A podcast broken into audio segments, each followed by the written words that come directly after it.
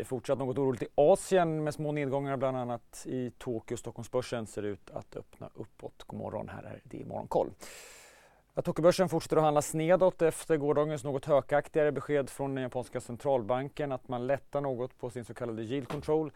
Banker har gått något bättre än index och under en liten period under natten så handlades den japanska tvååringen ovanför nollan vilket var första gången sedan 2015.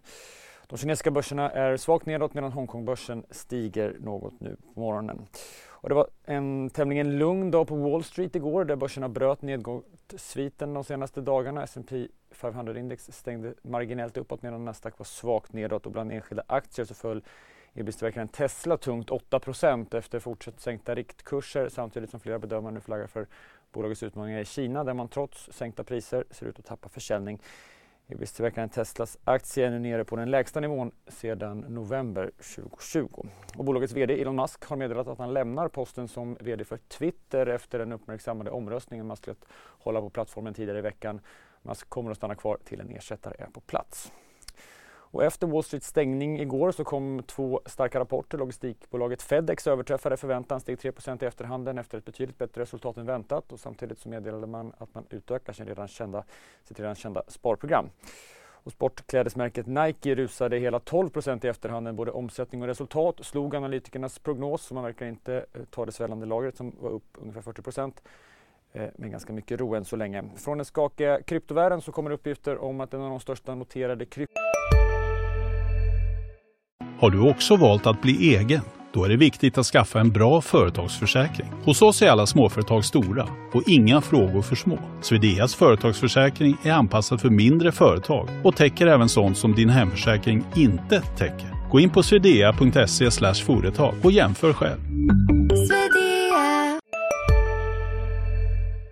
Brytningsbolaget Core eh, Scientific ansökt om rekonstruktion. Det här rapporterar CNBC och hänvisar till källor det ger inga större svängningar på eh, kryptokurserna. En bitcoin handlas fortsatt för knappt 17 000 dollar. USA erbjuder Kina covid-19 vaccin i ett utspel efter uppgifter om höga smittotal i Kina sedan man lättat på restriktionerna. Det är dock osannolikt att Kina som investerat mycket i egna vacciner eh, ska acceptera USAs utsträckta hand.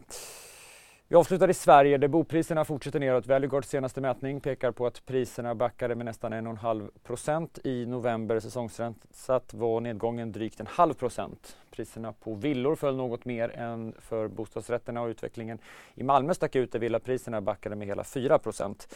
Nedgången har även fortsatt under de två första veckorna i december där man mätt utvecklingen i både Stockholm och Göteborg.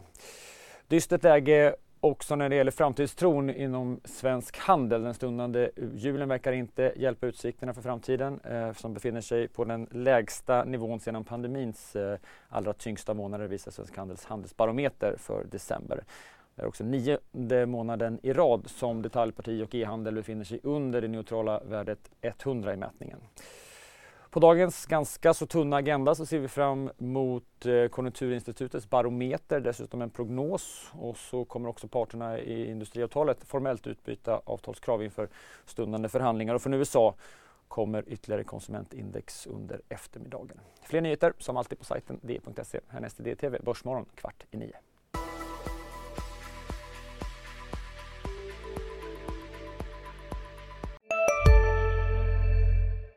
Där det finns ett samhälle, där finns det brott. Krimrummet är podden som tar brottsligheten på allvar. Jag bjuder in landets ledande experter och tar upp aktuella rättegångsfall för att begripliggöra den kriminalitet som kryper allt närmare. Du, alltså, du kan knäcka ett eller några gäng, men det kommer komma nya och så kan vi knäcka dem sen. Men att du ska knäcka allt forever, det kommer aldrig ske. Det är infinite gain. Lyssna på Krimrummet, en podd från Expressen med mig Kim Malmgren. Hej, Synoptik här. Hos oss får du hjälp med att ta hand om din ögonhälsa. Vår synundersökning kan vi upptäcka både synförändringar och tecken på vanliga ögonsjukdomar. Boka tid på synoptik.se.